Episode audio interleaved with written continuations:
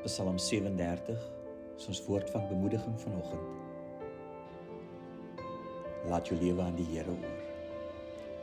Vertrou liewer op die Here en doen wat goed is. Woon en werk rustig voort.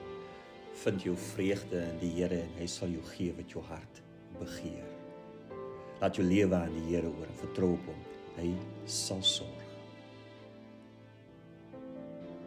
Almagtige Heer, vanoggend met die aanhoor van Psalm 37 dat ons hier ons lewe aan U moet oorlaat, Here, oorgee.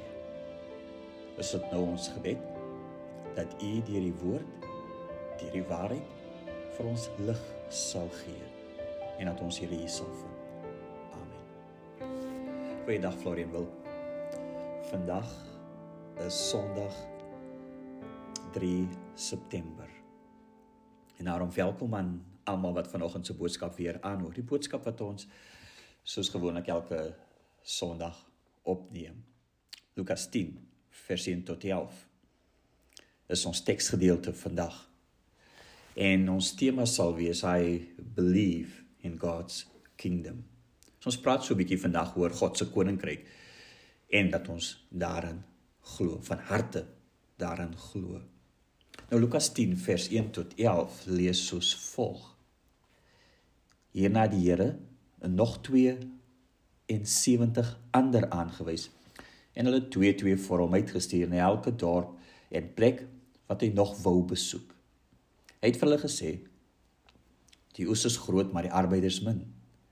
Daarom moet julle bid tot die Here aan wie die oes behoort om arbeiders uit te stuur vir sy oes. Gaan nou. Kyk. Ek stuur julle soos lammers tussen wolwe in. Moenie 'n beursie of 'n reissak of sandale saamdra nie. En moenie niemand langs die pad groet nie. Wat reis julle ook al binne gaan, sê eers vrede vir hierdie huis. As daar 'n vredelewende mens woon, sal julle vrede op hom rus. Anders sit net sal dit na julle terugkeer.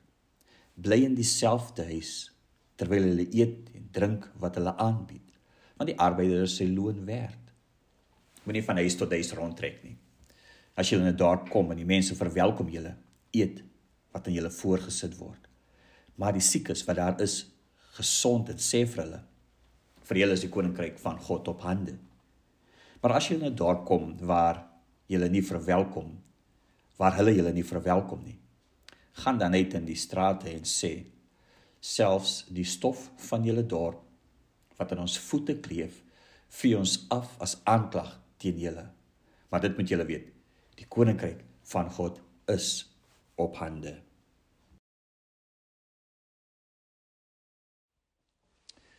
Met my bevestiging in Steenkof toe ek predikant word, so 'n bietjie meer as 25 jaar gelede, was my intree preek die bede laat u koninkryk kom.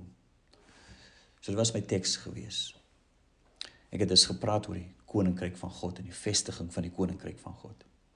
Ek moet erken dat ek op daardie dag seker nie behoorlik besef het wat ek wat ek sê nie. En miskien weet ek vandag nog nie volkome wat hierdie koninkryk van God alles behels nie.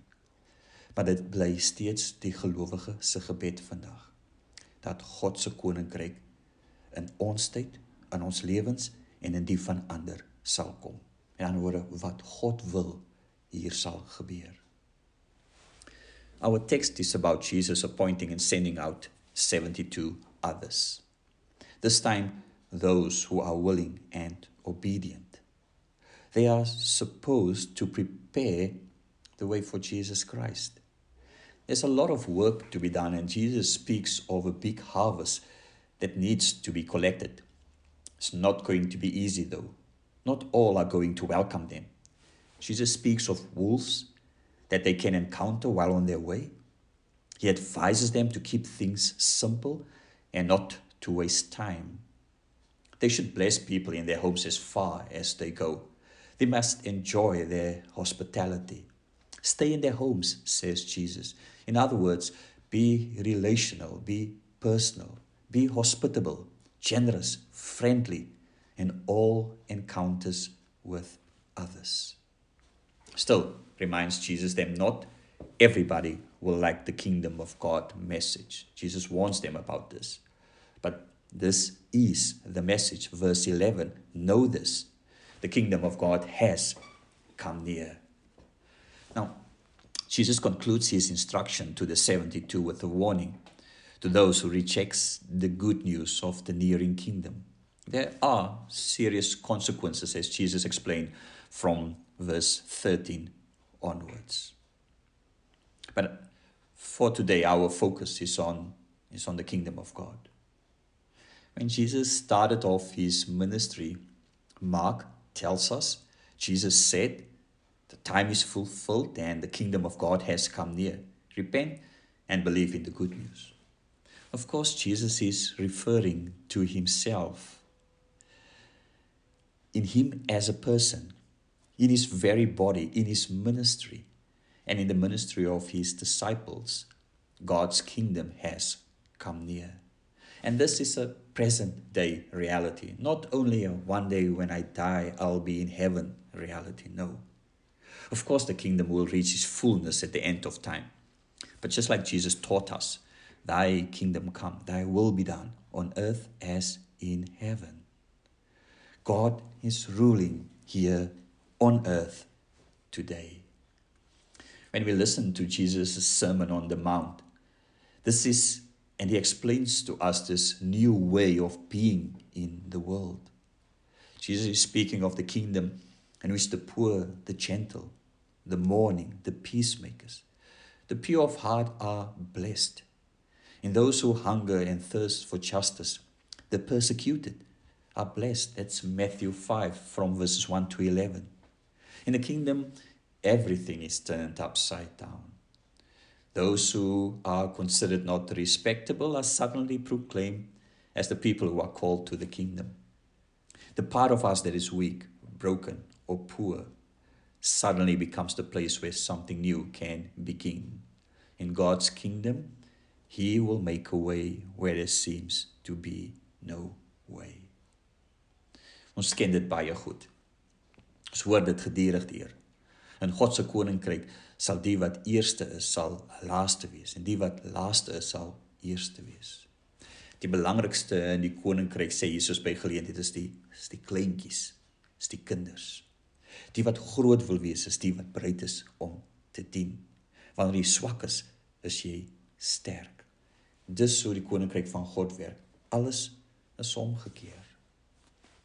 En as ons kyk na die lewe van ons Here Jesus Christus dan dan sien ons hoe hierdie koninkryk kom in die lewe van sy disippels en die mense rondom hom. As die disippels byvoorbeeld heel nag probeer om vis te vang en niks vang nie, sal Jesus hulle weer uitstuur. Of by geleentheid sê gooi die net aan die ander kant uit. Dis nie logies nie, maar dit werk, dit het gewerk. Hulle het soveel visse gevang dat hulle net wou skeer, dat hulle daarmee verleë is. Dis wat gebeur met mense wat leef in die koninkryk van God. Dis wat gebeur met mense wat vissers van mense geword het. Jesus maak 'n vangs moontlik. Met die vermeerdering van die visse en die brode word 'n menigte van mense gevoed. En nie net kry almal genoeg nie. Daar bly soveel oor dat ek dink hulle seker nie geweet het wat om daarmee te maak nie. Wat maak jy nog met 12 mandjies brood en visse wat oorbly? En in die koninkryk van God werk die logika van die wêreld nie. Die koninkryk ken die skaarste nie.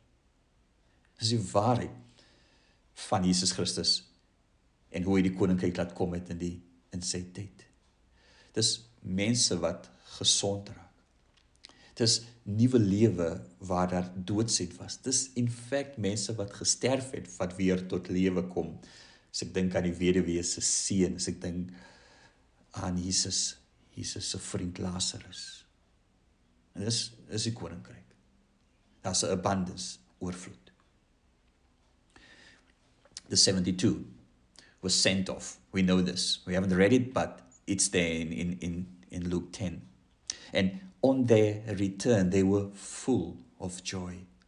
Everything is working, they said. The words of Jesus were taught, and it did bring wondrous results. Even demons submitted to them. And then Jesus in verse 20 reminds them that the thing that they should actually rejoice about is that their names are written in heaven. It's like saying that God remembers them. And their names are written down for they served in and believed in the kingdom. And get this what counts is not what we accomplished, but what we believed in the truth of God's kingdom. Wees eerder bly dat julle name reeds in die hemel opgeskryf is, sê die Afrikaanse teks. Christene glo in die krag van God se koninkryk. Dis reg, ons kan dit nie altyd verduidelik nie. Of ons sien, dit ook waar, ons sien nie altyd die wonderlike uitkomste nie, maar gelowig hou ons daarin vas. Ons werk tot verandering. Ons beywer ons daarvoor. Galasiërs 6 vers 10 sê laat ons dan terwyl ons die geleentheid het aan almal goed doen, maar veral aan die huisgesin van die geloof. Ons kort boodskap dus vandag, liewe broers en susters, is dat vandag waar ons hier leef is, leef ons in God se koninkryk waar God koning is. En daarom weet ons dat dinge anders is. En daarom in 'n in 'n wêreld soos hierdie glo ons in gebed. Ons glo daarom om te praat met met God, om te vra. En ons weet ook dat ons kan kry. In 'n wêreld soos hierdie glo ons in vrygewigheid. Om te deel met ander. Ons glo in deelname aan God se koninkryk. Dis waarvoor ons ons beywer. Ons glo dat ons leef in 'n God se koninkryk en ons werk daarvoor. En ons glo dat God se koninkryk volledig sal kom. Dis vir ons 'n sekerheid. En dis wat van ons gevra word in hierdie wêreld vandag. Maar ek dink soos jy reeds gehoor het, vir my is die troos terwyl ek sukkel om om in hierdie wêreld maar daarom ook terwyl ek nog sukkel in God se koninkrykswêreld dat ek weet God weet van my en hy het my naam daar by hom want ek glo in sy koninkryk en ek werk daarvoor amen dankie vader Here, dankie dat U het U ons verlos het, Here. En op grond van daardie verlossing, Here, glo ons in U. Leef ons vir U. En ons wil ons sê, Here, dat wat in die hemel is, moet ook op aarde wees. En so Here, beywer ons ons daarvoor, Here. Dat in alles wat ons doen, Here, mense sal sien dat die lewe kan anders wees. En nou Vader, sien ons nie altyd nie, Here. Inteendeel ons beleef soms 'n ander tipe koninkryk, die van die wêreld en die van die magte van die wêreld. Maar Here ons ons wil glo soos U ons geleer het. Seën ons Here terwyl ons dit doen. Ons wil vra Here op vrug op ons arbeid. Here op ons vrygewigheid. Op ons gebede, Here. Op ons werk, Here vir U in die klein dinge wat ons doen. Wetende Vader, U sien ons. Geef Vader dat ons dus met geloof vir U sal leef in U in U koninkryk. Help ons Here met alles waarmee ons sukkel vandag. Terwyl ons tog weet dat U 'n weg kan maak waar daar geen weg is nie. Skenk ons die geloof om te glo en te werk in die koninkryk die genade van ons Here Jesus Christus. Die liefde van God ons Vader. Troos en bemoediging van die Heilige Gees en die krag van die Heilige Gees sal met elkeen van ons wees terwyl ons woon en werk in hierdie wêreld, maar ook in God se koninkryk. Want aan U behoort die koninkryk en die krag en die heerlikheid tot in die ewigheid. Amen.